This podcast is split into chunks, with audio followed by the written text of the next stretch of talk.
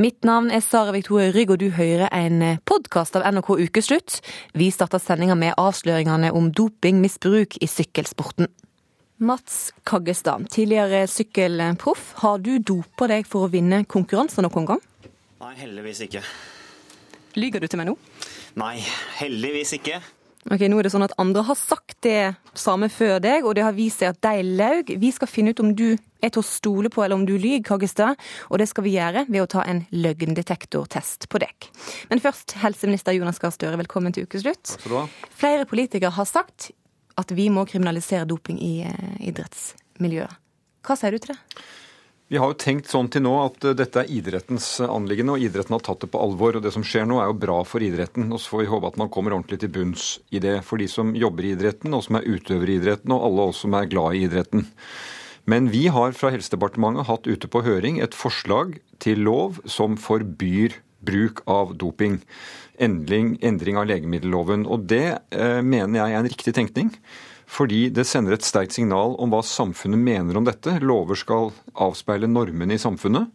Eh, Og så sender et bredere signal enn bare toppidretten. Eh, Jeg deltar i masseidrett. Jeg står på startstreken til eh, masseidrettsarrangementer. Og du ser rundt om i idretten der det deltar tusener på tusener i treningsstudioene, så vet vi at kanskje opp mot eh, 3 av de som deltar der, kan bruke slike midler. Det er farlig for dem, og det er dårlig for den masseidretten, og derfor så bør vi si nei til det. Og det er ikke moro å konkurrere for deg å konkurrere mot noen som har dopa seg?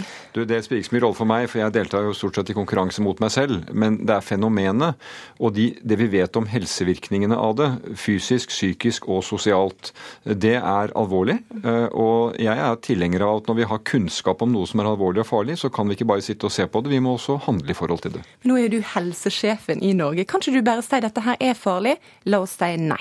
Jo, men det har vi sagt i Norge i mange mange år, og vi har hatt forbud mot ø, omsetning og innføring osv. Eh, Våre svenske venner de har også innført forbud mot bruk, med ganske strenge straffer. Så jeg mener at hvis man skal være konsekvent, så skal man også sende det signalet. Det er ikke sånn at det er OK å bruke og ikke OK å ta inn. Eh, Men nå skal vi gjennomgå dette, har vært på høring, og det er jo en del av kan du si, kvalitetssikringen vi har. og Da får vi ulike vurderinger fra forskjellige miljøer, og så oppsummere. Så jeg vil ikke konkludere 100% men min tenkning er at dette bør vi innføre et forbud mot når det gjelder bruk. Så 95 da. Ja, da er vi nærmere på det nivået der, ja. Eh, Hvordan ser du for deg å håndheve et slikt forbud? Det er en av innvendingene. Hvordan gjør du det? Eh, Og når du går rundt på treningsstudier og gymsaler og osv., så, videre, så ser du at eh, politiet har mye å gjøre fra før, om ikke de skal drive med dette også, sier mange. Men dette er jo dessverre noen ganger også tilknyttet annen form for kriminalitet, som politiet kommer borti eh, på andre måter. Eh, Og det er også det elementet jeg sier, at vi sender et signal til eh, folk, særlig til unge mennesker, at dette er faktisk forbudt. Stortinget har vedtatt at det er eh, en virksomhet som ikke skal være lov. Det er en norm, og det er et viktig signal til, til, til oss alle. Tidligere eh, sykkelproff Lars Kristian Johnsen han sa til TV 2-sporten at det var umulig for han å få gode resultater når han konkurrerte på toppnivå i 94-95 uten å dope seg. Så Derfor så sa han stopp, dette vil ikke mer. Når gikk idretten fra å være sunn til usunn? Ja, Det er et veldig godt spørsmål. Jeg tror det er et evig spørsmål. Jeg hører jo andre eh, toppidrettsutøvere som er langt fra å dope seg, som sier at det du må nedlegge av arbeid og tyne kroppen din på, ikke nødvendigvis er sunt der og da. Eh, Men det er nå en diskusjon idretten må ta, som ikke jeg vil gå inn i. Jeg vil jo grunnleggende si at hvis vi taper idretten som et folkehelseaktivitet, så har vi tapt kanskje hovedstrategien vår for å gjøre noe med helse. Så det er veldig viktig at idretten, sporten, bevegelsen skal være positiv, lystbetonet og noe vi søker mot, og noe som ikke er eh, belemret med denne type ting. Takk til deg, Jonas Gahr Støre. Du blir med oss videre i sendinga. Men nå skal vi tilbake til eh, tidligere proffsyklist Mats Kaggestad, som sier at han ikke har dopa seg for å vinne sykkelritt noen gang. Men spørsmålet er om vi kan stole på han. Denne veka foreslo tidligere skøyteløper Eskil Ervik at alle idrettsutøvere bør eh, gå gjennom en løgndetektortest for å komme dopingproblem til livs, og for å stoppe mistenkeliggjøring. Ukeslutt sendte Mats Kaggestad til løgndetektorekspert Ørjan Hesjedal. Ja, Du skal bare få til å sitte ned, du, så skal jeg koble på utstyret for deg. Da skal jeg også ha på meg elektroder. Det første du gjør, da, og det er du tar hendene sammen sånn, og så bøyer du litt fram. Dette her er sensoren du kan bøye deg på. Disse sensorene her de registrerer når du puster, og de registrerer når du beveger deg. Hvis du beveger deg rundt masse, så slår det ut som forstyrrelse på, på sensorene mine. Og de som, folk som forsøker å sabotere testen, og sånt, de prøver gjerne å bevege seg litt sånn for å ødelegge testen. Mm. Så det er viktig at du, for at du skal få et godt resultat på den testen, at du sitter helt i ro. Mm. Og det samme med den her. Kan du bøye det fram igjen. sånn. Og så kan du sette det bak og løfte armen. Vi har noen formaliteter som vi må gå gjennom først. Ja. Så det tar litt tid. Ja. Selve testen det går ikke så lang tid. Så det første det for deg er viktig å vite, det er at den testen her må være helt frivillig. Ønsker du å ta testen? Ja, kjør i gang. Jeg ønsker ikke å ta den, men uh, jeg føler jo nå at jeg likevel har sagt ja, så da får jeg gjøre det. Uh, og at det var sporty av meg å si ja. Uh, så jeg vil jo ikke ikke være sporty. Blodtrykksmansjett, akkurat samme som du har på legekontoret. Ja. Akkurat nå så er du den eneste i rommet her som vet med sikkerhet om du har brukt eh, ulovlige og prestasjonsfremmende midler. Mm. Eh, I løpet av denne testen så vil vi begge vite det. Ja, nettopp. Da, ja. da har jeg noen spørsmål til han som, bare, som dere kan gjerne vente ute. Ja, vi fikk ikke være med når du skulle svare på spørsmålet til løgndetektoreksperten Mats Kaggestad, men vi får snart svaret på om du lyver, eller om du forteller oss sanninga. Du sier altså at du aldri har dopa deg for å vinne konkurranser, men likevel så har du prøvd dop. Hvordan har det seg? Ja, stakkars meg. Jeg var jo prøvekanin i et uh, prosjekt i 97 hvor uh, vi ble kontakta av uh, antidopingmyndighetene, WADA bl.a. Og det var et internasjonalt prosjekt hvor de da hadde prøvegrupper, altså grupper da i ulike land. Hvilken effekt hadde dopet på kroppen din? Nei, det var, det var ikke sånn umiddelbar effekt, men i løpet av den perioden der så følte jeg at jeg var, selvfølgelig hadde et generelt overskudd. Eh, det var kanskje det, det, det, meste. Og så når jeg da trente med de jeg trente sammen med, så ble jo plutselig pulsen min en del lavere enn deres da, i forhold til hva den var tidligere. Og så hadde jeg jo tester som også var, var uh, veldig, veldig bra. Da. Så du ble ordentlig sprek. Er det noen gang sånn at du har tenkt etterpå at ah, hadde vært fristende å gjøre det igjen for å få det lille ekstra dytt opp bakken? Nei, det har faktisk aldri tenkt den tanken. Og det er eh, litt eh, Det har nok litt med det at selv om jeg hadde en god følelse i den perioden der jeg fikk dette stoffet, da, eh, i, dette prosjektet, så, så har jeg oppnådd en lignende effekt naturlig etterpå.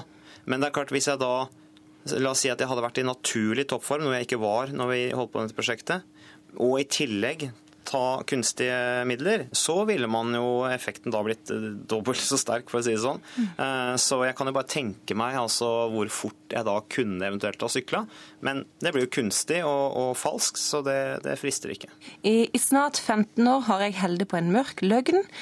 Jeg føler meg helt jævlig, sa Steffen Kjærgaard på pressekonferansen denne veka. Hans Petter Bakketeig, du har skrevet boka 'Kampen om den gule trøya', Tour de France gjennom historien. En av de Kjærgaard skjulte sin mørke løgn for, det var deg. Du intervjuer han til boka di. Hvordan ja. var det å bli løyet rett opp i fjeset? Nei, Det var ubehagelig, det. Um, det her var ei bok som kom i 2008, og jeg husker at jeg gjorde avtale med Kjærgaard før Tour de France 2006. Og Tour de France 2006 det var Operasjon Puerto og hele avsløringen med Fuentes og det spanske dopingleken. Eh, så Vi hadde en avtale om å møtes etter Tour de France. og eh, Da jeg skulle ta opp igjen tråden og prøve å få møte Kjærgaard, så var han faktisk veldig lite interessert i å snakke med meg. Eh, så jeg måtte liksom gå ganske langt til å forsikre meg om at jeg var interessert i andre ting enn doping da jeg skulle ha det intervjuet. Og så fikk jeg møte han. Og da snakket vi ikke om doping. Men klart at jeg mistenkte han etter det. Ukeslutt har vært i kontakt med Steffen Kjærgaard. Han har takka nei til å delta her i dag, bare som sagt. Politiker, komiker og idrettshater, får jeg vel nesten si, Per Inge Torkelsen. I 1992 så skrev du den store, stygge idrettsboka. I boka så antyder du at nordmenn doper seg òg, akkurat som alle andre. Og det fikk du masse kjeft for. Å oh ja, jeg fikk tyn de luxe, og folk ble sinte og skjelte meg ut og sa at dette er ikke sant. Og vi må vel få lov til å si nå i 2012 at det viser seg at jeg hadde nokså rett. Og jeg syns det er i dag òg veldig naivt. Nå snakker vi om én person, eh, Steffen Kjærgaard, som at han på en måte er den eneste. Men når vi ser på dopingindustrien, så har jo den i alle fall siden 1980 lagt fire år foran de som skal prøve å ta doperne. Dette er en milliardindustri. Og så er vi så uskyldige i Norge at vi tenker nei, oh nei, her er vi snille. Og er det noen som blir tatt, enten det er kappgjenger eller spydkaster eller vektløfter eller diskoskaster eller syklister, så er det et enestående eksempel, og det er ikke flere. Og ikke bare det, men ofte frikjenner vi de òg i Norge. Så jeg syns vi må kanskje prøve å se verden sånn som den er etter hvert. Idrett er dopium for folk. Vi må ikke glemme at, at idretten har blitt, brukt som verktøy også, som et politisk verktøy. da til å, å skape stevning hjemme i landet. Altså Det har vært en strategi å dope idrettsutøverne for å, å, styrke den politiske makten. Altså Jeg er helt sikker på at doping var en del av den kalde krigen, f.eks. Eh, og, og det er ikke så lang tid tilbake, hvis vi ser det i historisk sammenheng. Eh, så, så Det er derfor jeg også mener at kampen mot doping nettopp har starta. Og vi har et verdisett i idretten, og det er det som må ligge i bunn. Eh, og vi må ikke glemme de. Og jeg tror også det kommer til å bli et sterkere fokus på det for, for, at man skal være klar at det er tross alt det vi jobber mot. Det er jo så vidt i gang med antidopingarbeid. Altså, sporten, Hvis vi snakker om sykkel, så er den 100 eh, år gammel, drøyte. Og eh, i, 100, i nesten 100 år så har vi vært egentlig uten noe som helst form for antidopingarbeid som har vært systematisk, og som har hatt ressurser. Men hvis vi ser på sykkelsporten som en, som en 100-åring, så er det jo slik at i 70 av disse første 100 årene så var jo faktisk alt lov også. Så det, så det er noe med en, en 70-åring som man da ber om å endre holdninger. Hvor lett er det, liksom? Eh, eh, det er klart at eh, da skal, det, da skal, du skifte ut ganske mye celler inni den der 70-åringen. Og det handler om å skifte ut toppledere. Det handler om å skifte ut UCI-ledere som Ferbryggen, Pat McQuaid som sitter nå som aldri burde sittet i den stillingen han gjør. Per Inge Torkelsen, eh, doping er kommet for å bli, virker det som at du sier. Nå er du den eneste, oh, ja. nå er du den eneste politikeren i dette panelet her. Ja. Og nå er det jo flere norske politikere som har sagt at dette her med doping, det må vi kriminalisere. Og Idrettsforbundet har òg sagt det. Er det riktig vei å gå, tror du? Det er jeg ikke sikker på. Jeg har ikke noe tro på strengere straffer, egentlig. Men, selvfølgelig, eh, Steffen Kjærgaard har vært sportssjef i Norges Sykkelforbund siden 2006. Og når vi leser òg om alle de legene som, som, står bak eh, langing av dop, så, så, er det jo Det må jo en generalopprydning til her. Og selvfølgelig skal vi ta vare på, på, på mennesker, selv om de har drevet seg ut her og der, og vi skal prøve å ikke spre rykter. Det gjorde jeg for drøye 20 år siden, og ble saksøkt og måtte betale 100 000 kroner fordi at jeg insinuerte at en friidrettsutøver hadde dopa seg. Og da fikk jeg en smell. Så, så vi må være varsomme òg. Dette med kriminalisering, det er jo jeg, er jo en av de som er for det. Pga. at dette her er hvitsnippkriminalitet, etter min mening. Altså Man beriker seg på andres bekostning, eh, og man svindler publikum osv. I tillegg, med doping, så hører det også med, sånn som Torkelsen sier her, leger som driver uetisk, eh, men også betydelig skattesnusk eh, og eh, falske arbeidskontrakter, det er involvert tvilsomme advokater, bankdirektører, skatteparadiser. Masse svarte penger også i det som hører med doping. Og da er vi inne på et, et område som, som, absolutt bør straffeforfølges. Denne veka så ble neste års Tour de France-løype lekka. Faren din, Mats Kaggestad, Johan Kaggestad, TV 2 sin sykkelkommentator, han sa at dette her blir et skådespill sykkelsporten aldri har sett maken til. Hvor mange tror du faller for eh, dopingfristelsen neste sommer?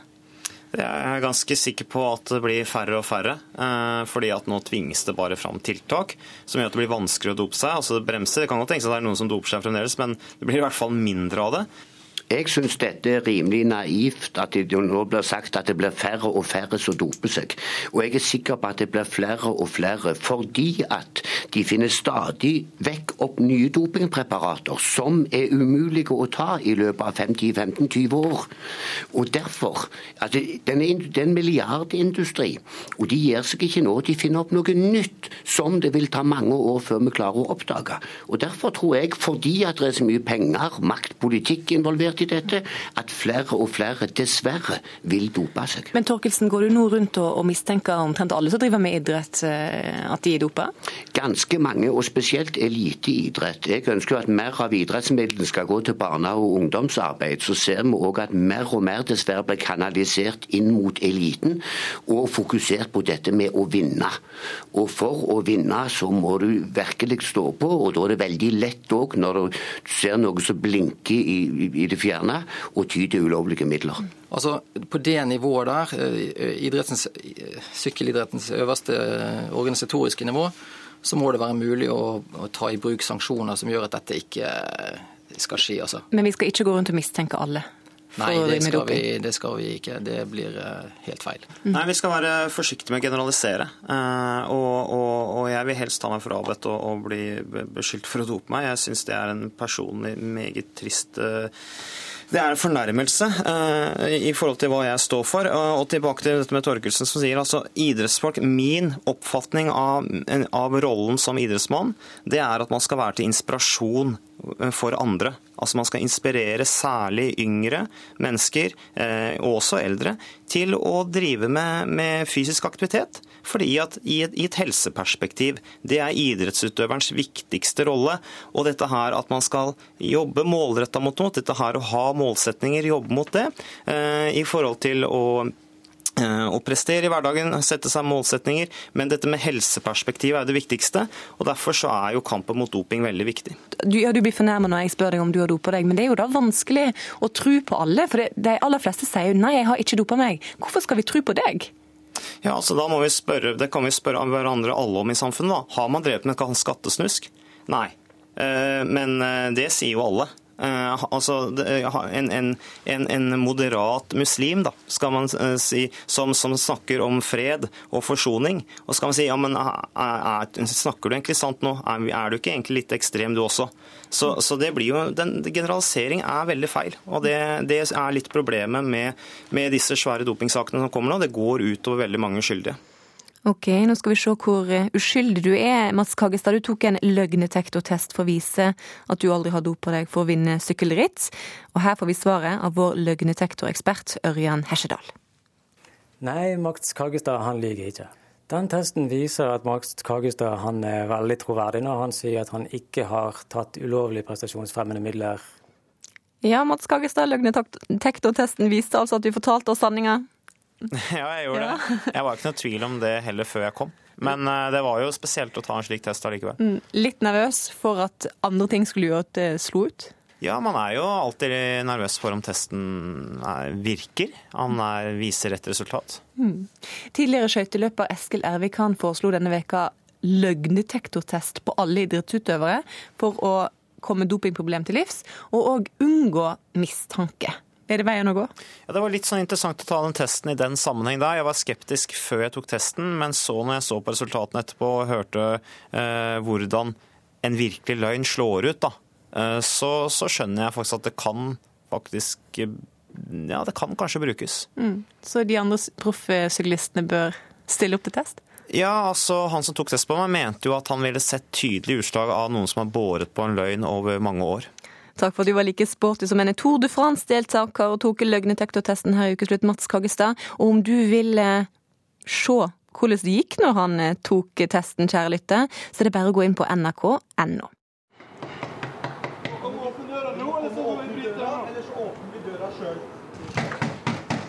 Politi! Politiet tok seg denne veka inn i huset til den norske islamisten Oboidullah Hussein. Han er sikta for å ha trua to norske journalister. Senere i dag tar retten stilling til om truslene er alvorlige nok til at han eh, bør varetektsfengsles. Dette fikk Carl I. Hagen til å anklage norske politikere for ekstremislamisme i Norge. Jeg advarer mot denne utviklinga allerede på 80-tallet, skrev Carl I. Hagen på sin eh, Facebook-side. Carl I. Hagen, du anklager altså en rekke norske politikere for at islamsk terror har kommet til Norge. Hvorfor gjør du det?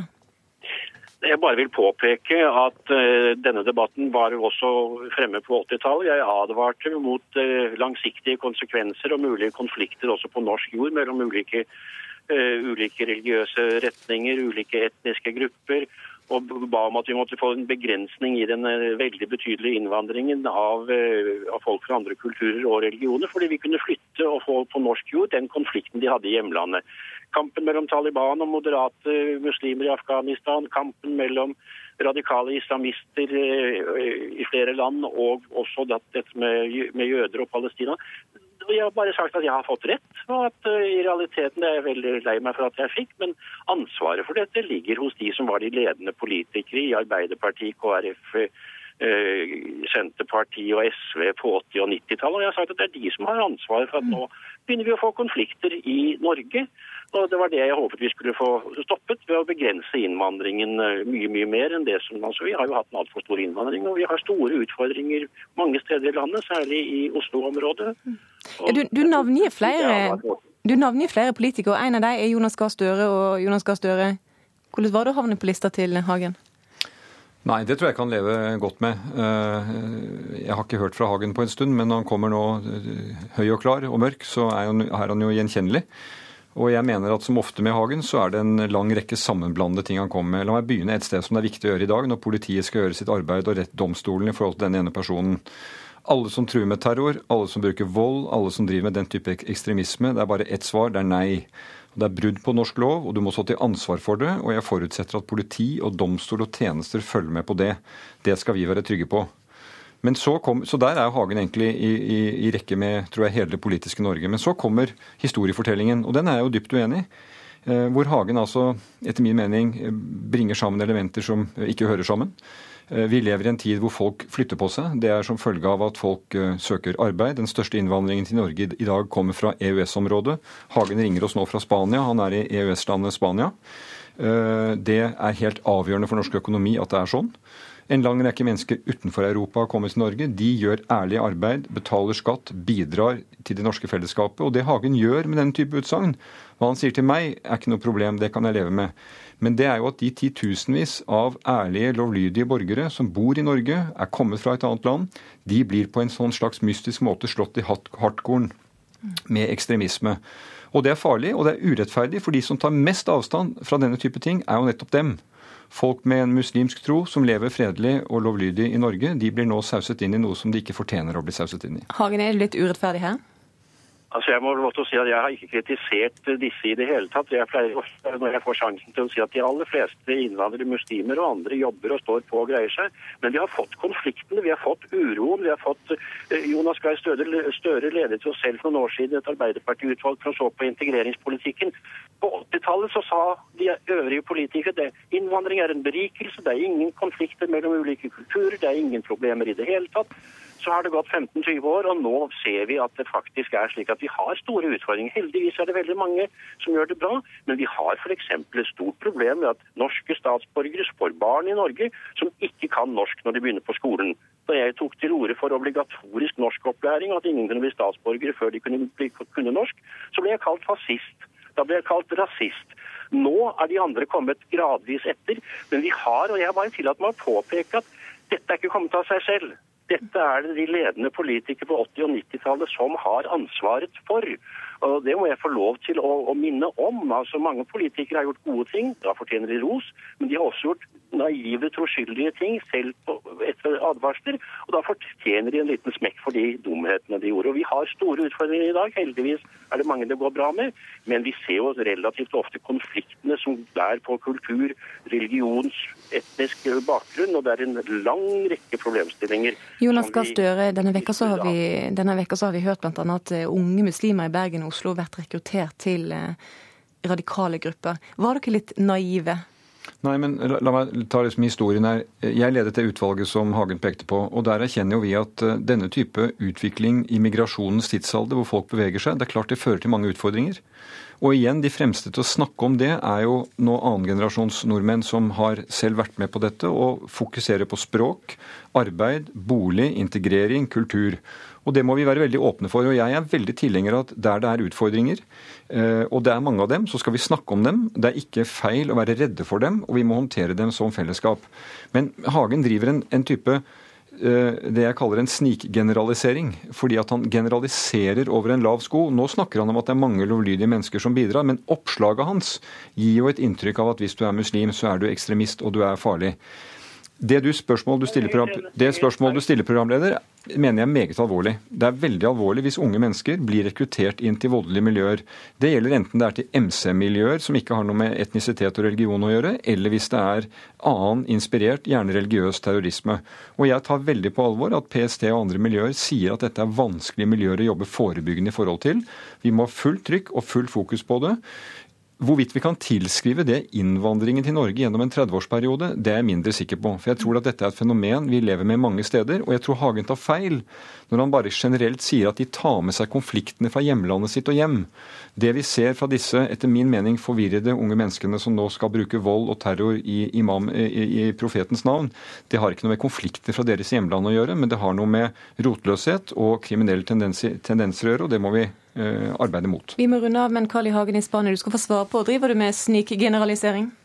Nei, overhodet ikke. Jeg har altså tillatt meg, for jeg ble kalt masse stygge navn på 80- og 90-tallet for det jeg sa. Da må jeg få lov til å få lov til å si at det er blitt dessverre slik som jeg forutså, og slik som vi advarte mot. Og det bekrefter jo Jonas Gahr Støre nå. Han snakker om alle utfordringene, miljøene, problemene, PST. På 80- og 90-tallet så sa man at det er ingen problemer, vi bør ikke gjøre noe spesielt med integrering. Alt går av seg selv, dette er en berikelse for det norske samfunnet og er ikke noen utfordringer og vanskeligheter. Nå bekrefter han jo nettopp at vi har veldig mange utfordringer, og det er ikke snakk om EØS-området og folk som kommer fra Europa, det er fra Asia og Afrika. Og det bygger i helt forskjellige kulturer. Vi hadde ikke hørt om tvangsekteskap, kjønnslemlestelse, og at far skulle liksom styre alt, og mor skulle holde seg hjemme og ikke lære norsk osv. Disse tingene var det jeg prøvde også å si. Det er mye flere utfordringer og vanskeligheter enn det dere går rundt og tror. Jonas Gahr Støre sitter og hopper i stolen. Han må bare få et Nei. siste ord inn her. Det finnes ikke ett samfunnsuttrekk som ikke har utfordringer sammensatte. Det er ikke svart-hvitt. Og jeg sier til Hagen, ta en titt inn på universitetene, ta en titt inn på de ledende stedene som vi avhenger av fremover. Ta en titt inn på omsorgsarbeidsplassene som jeg kjenner nå, helsevesenet. Uten de som er kommet til Norge de siste årene, dårlig omsorg, dårlig framtid. Takk Jonas Gahr Støre, og takk til deg, Carl I. Hagen. Du lytter til en podkast av NRK Ukeslutt. Hold fram med det å høre at Arbeiderpartiet er korrupte. Det sier Siv Jensen fra talerstolen på landsstyremøtet. Og alle har rett til nærleik med en prostituerte som selger sex til funksjonshemma. Dyr er relativt enkle. Hvis de får godt stell og, og, mat, så sover de forresten. De har liksom ikke det samme behovet for å reise til Mallorca sånn som vi andre har. Ja, det sa en bonde til NRK tidligere i veka, og pelsdyrdebatten var i gang igjen. Flere grusomme bilder av pelsdyr med avgnagde bein og store sår har nok en gang sett sinnet i kok og fått politikerne til å diskutere framtida til næringa. Ukeslutt sin reporter Anette Ramstad har møtt en som veit hvordan disse dyra har det. Ja, Hvis, hvis buret er såpass stort og såpass langt, og det er én rev inni der Hjemme på Haugerud i Oslo beregner zoolog Petter Bøckmann med hendene hvor store bur pelsdyr bor i. Det er, Hvis vi legger oss flate til gulvet her, så blir det, ja, det er litt med en to kroppsdeler her i rumpa. Men det er, det er ikke så fryktelig mye større. Og hva det ville tilsvart for oss mennesker. Jeg ville jo ljuge hvis jeg sa det var romslig. Norske fanger har det gjennomsnittlig bedre, liksom. Da sier vi god kveld og velkommen til eh, Dagsrevyen. Ja, Nok en gang kommer det altså bilder fra både Mattilsyn og dyrevernorganisasjoner som avdekker store skader på dyr på norske pelsdyrgårder. Denne uken avslørte Dagsrevyen nok en gang grusomme bilder fra en minkfarm i Telemark, der mink som mangler både ett og to ben, går i bur med store åpne sår. Bonden selv virket ikke videre bekymret over tilstanden til dyra. Men de, vel, eh, de føler vel smerte, de, på lik linje med, med oss? Det tror jeg ikke. Det er ingenting som tyder på det. Når han hører dette, ser Bøckmann seg nødt til å korrigere bonden. Ja, den reven som mangler en fot, har det forferdelig vondt, som om vi skulle mangla en fot. Pattedyrhjernen fungerer stort sett likt på alle pattedyr. Vi føler smerte på samme måte, vi kan bli redde, alle sånne ting. Men det er flere av bondens utsagn som får Bøckmann til å reagere. Men, men de fleste, de kan tilpasse seg. Dyr kan tilpasse seg veldig mye rart. Det kan folk også. Så ja, du kan få folk med ett bein til å tilpasse seg, og du kan få rev med ett bein til å tilpasse seg. Betyr ikke at det er morsomt å ha ett bein for noen av dem. Også for jordbruksminister Trygve Magnus Slagsvold Vedum var det rystende å se bildene fra minkfarmen i Dagsrevyen. Det For en som er veldig glad i dyr, så reagerer han jo sterkt på det. Og den seriøse eh, pelsdyrholderen den gir et sånt dyr behandling eh, med en gang, eller i ytterste fall avliver dyret. Men på tross av regjeringens strenge regelverk for pelsdyrhold, viser en ny undersøkelse utført av NRK at 47% av befolkningen er imot pelsdyrhold. Det er tydelig at pelsdyr engasjerer. Og Det er jo ikke det at rev og, og mink på noen måte egentlig er sympatiske dyr. Dette er dyr som lever av å rive andre dyr i stumper og stykker. Men hva er det da? De ser så fryktelig søte ut, og det virker på oss. Fordi vi er flokkdyr. Det er naturlig for oss å reagere sånn på dyr som som ser unge ut, som har store øyne, som har litt sånn stumpete neser. For oss så kaller det automatisk på empatien. Hvis ikke så hadde ikke unger overlevd, unger overlevd i vårt system. Det Arbeiderpartiet driver med, minner om maktmisbruk og korrupsjon. Det sa Frp-leder Siv Jensen da hun holdt tale på landsstyremøtet i dag. Reporter Per Arne Bjerke, du er på landsstyremøtet. Hva er det som minner om maktmisbruk og korrupsjon i Arbeiderpartiet? Ja, Hun nevnte bl.a. Eh, utnevnelsen av LO-leder Roald Flåten til eh, styret i Kongsberg Gruppen. og Hun mener altså at dette ligner på korrupsjonslignende tilstander, som hun uttrykte det. Og Siv Jensen, Hvordan kan du si at dette har noe med korrupsjon å gjøre? Sier at det minner om det, fordi dette handler jo om at eh, Roar Flåten sitter som sentralstyremedlem i Arbeiderpartiet. Han og LO skriver ut en sjekk til Arbeiderpartiet på 5 millioner kroner i året for å støtte opp om deres valgkamp. Og da kan det jo se ut som det nå er en form for gjenytelse, da. At han skal også få et styreverv. Jo, men Roar Flåten er altså tidligere industriarbeider og mangeårig tillitsvalgt nettopp på Kongsberg. Er han ikke kvalifisert? Og Jeg har ikke stilt spørsmål ved hans kompetanse, for det han er helt åpenbart kvalifisert til det. Men det som har skjedd her, er jo at man har konstruert en styreplass som ikke var der. Eh, og i tillegg eh, gitt et honorar som heller ikke var der. Og det ser jo veldig rart ut. Og jeg mener at vi må tørre å adressere disse problemstillingene. Fordi vi lever i et uh, samfunn hvor staten har betydelig eierskap i norsk næringsliv. Da må det være gjennomsiktig. Det må ikke kunne stilles spørsmål ved eh, habilitet, eh, koblinger. det må snarere tvert imot fremstå som svært profesjonelt. Du kommer altså med harde angrep på Arbeiderpartiet, og nå skal du straks få overta mikrofonen min, Siv Jensen. Og så skal du få møte Arbeiderpartiets leder i Stortingets næringskomité, Terje Lien Aasland, direkte her i Ukeslutt. Ja, for Når Siv Jensen sier slikt fra talerstolen, da ringer vi til deg, Terje Lien Aasland. Hva svarer du på Siv Jensen sin kritikk? Nei, Jeg syns det Siv Jensen nå sier er direkte useriøst. For det første så er det direkte feil. Det har vært uh, åpning gjennom vedtektene i Kongsberg Gruppen hele tida at en kan eh, sette inn en varamann, og det er nå gjort. Eh, og det er Roar Flåten, en høyst kompetent eh, person. Og det er jo ikke sånn at det er Flåten som skriver ut noen sjekker. Det er LO i så fall som gjør. Men jeg skjønner jo hvorfor Fremskrittspartiet nå vinkler inn i den retningen mot Flåten og mot LO og mot det fagligpolitiske samarbeidet. Fordi FrPs mål er jo på en måte å prøve å så sprekker i det og knuse det samarbeidet, fordi det er en stor motvekt mot det mørkeblå Norge. Jeg syns eh, Aasland og Arbeiderpartiet bør ta dette mye mer alvorlig enn å kalle det for eh, useriøst. Det er veldig mange mennesker både i Norge og utenfor landets grenser som stiller spørsmål ved det vi nå ser. Børsdirektøren var i går ute og påpekte at det skaper et etterlattinntrykk som gjør at investorer kanskje kommer til å sky eh, norske eierinteresser. Da mener jeg vi må tørre å ta den debatten. og Arbeiderpartiet har et stort ansvar for å ikke skape et inntrykk av at det er vennskap, nettverk og inhabilitet som preger deres eierskapshåndtering. Men det, det, må, det må, Siv Jensen og Frp begynne nå også på en eller annen måte dokumentere. fordi det er ikke faktisk sånn. Det er faktisk sånn at den spredninga i de styreverva som staten oppnevner, den er ganske bredt fordelt. og Det er ganske få som har tilknytning til Arbeiderpartiet eller til politikken i sin helhet. Det er realiteten i det. Uh, og at uh, en også kan så tvil om hvordan en håndterer uh, oppnevnelsen av styrene i de statlige selskapene, syns jeg er høyst betenkelig. Det er enstemmige valgkomiteer som innstiller overfor generalforsamlinga, og det er det som i all hovedsak, eller i alt jeg vet om, så er det det som blir vedtatt. Så det Fremskrittspartiet nå prøver å gjøre, det er å så tvil om legitimiteten både i det statlige eierskapet og i det faglig-politiske samarbeidet som står uh, veldig sterkt blant de rød-grønne partiene. Siv Jensen turte å ta opp eh, temaet. Terje Line Aasland eh, turte å ta debatten. Takk òg til deg, Per Arne Bjerke, som er på Frp sitt landsstyremøte. Er det en eh, menneskerett å ha et eh, sexliv og oppleve nærleik? Det er spørsmålet filmen eh, Scarlet Road tar opp. Dokumentaren som denne veka ble vist på Bergen internasjonale filmfestival, handler om personer med nedsatt funksjonsevne som kjøper sex for å oppleve nærleik.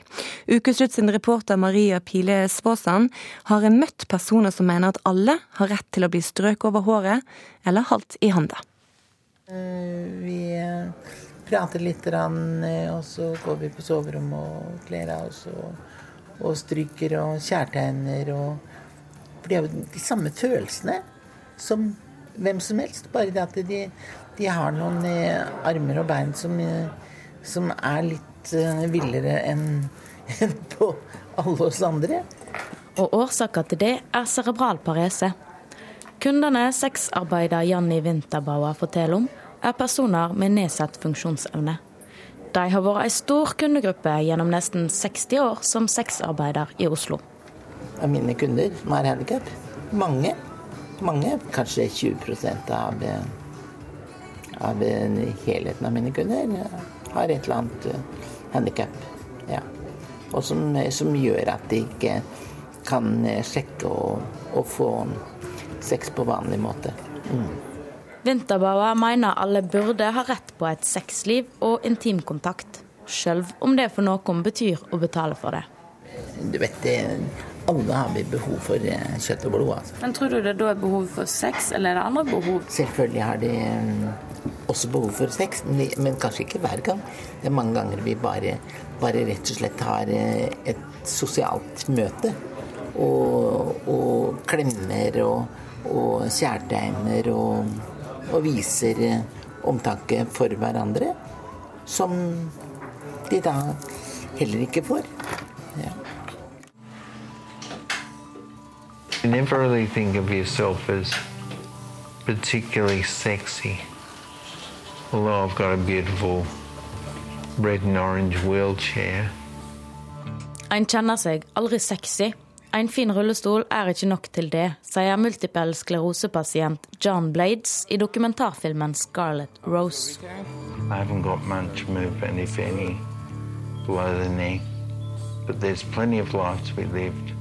Den australske filmen ble vist på Bergen internasjonale filmfestival denne veka, og handler om sexarbeider Rachel Watton og noen av kundene hennes. Mesteparten av dem er personer med nedsatt funksjonsevne og hun har starta en organisasjon for å gjøre sexkjøp for de lettere. Men det er ikke sexen som er det aller viktigste, forteller Watton når vi møter henne på kafé i Oslo. Folk undervurderer det å ta på hverandre, sier Watton. Å ligge i armene til noen og stryke noen mjukt over håret. Mange får aldri oppleve å holde noen i handa eller kysse noen på kinnet. De små tinga er essensen i hvordan vi kjenner det for hverandre og oss sjølve. Yes, yes. Og det er en menneskerett. Se på internett. Folk sier seksuelle helse og retter er godt etablerte. People, I mean, some people with disability are out there and they're involved in everything and they don't need a lot of support. Um, but it, it's very hard still to get a date. For det kan være vanskelig å finne en partner når en har en kropp som ikke er helt som andre sin.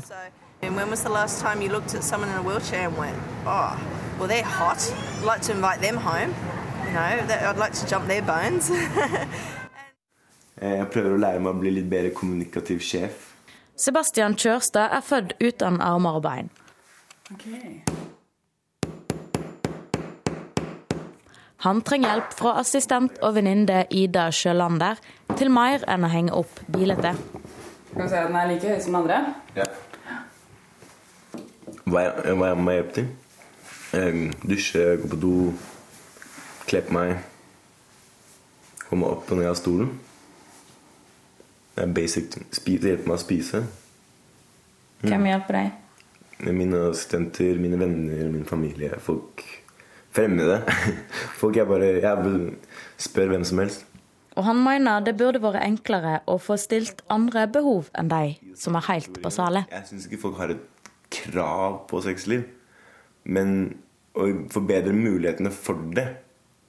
Eh, det... Ja, for tror du det er flere av de personene med funksjonshemninger som kunne hatt et behov for å kjøpe sex? Det tror jeg. Ikke, jeg burde ikke være menneskerett, det, det syns jeg ikke, men, uh... men er det ikke menneskerett å få utløsning, da? Ja, ikke sant? Altså, det, det, tenker jeg er en viktig forskjell. da. Ja, ja. Folk som kan hjelpe seg selv, og folk som ikke kan det. Ja. For folk som kan hjelpe seg selv, da er det jo plutselig likestilt på ganske mange Mange andre. Ja, men det er jo mange som ikke kan det heller. Ja, ikke sant? Det er det jeg begynner, det er da jeg begynner å bli Det, tenker jeg, det, er, burde, det burde være menneskerett å komme altså.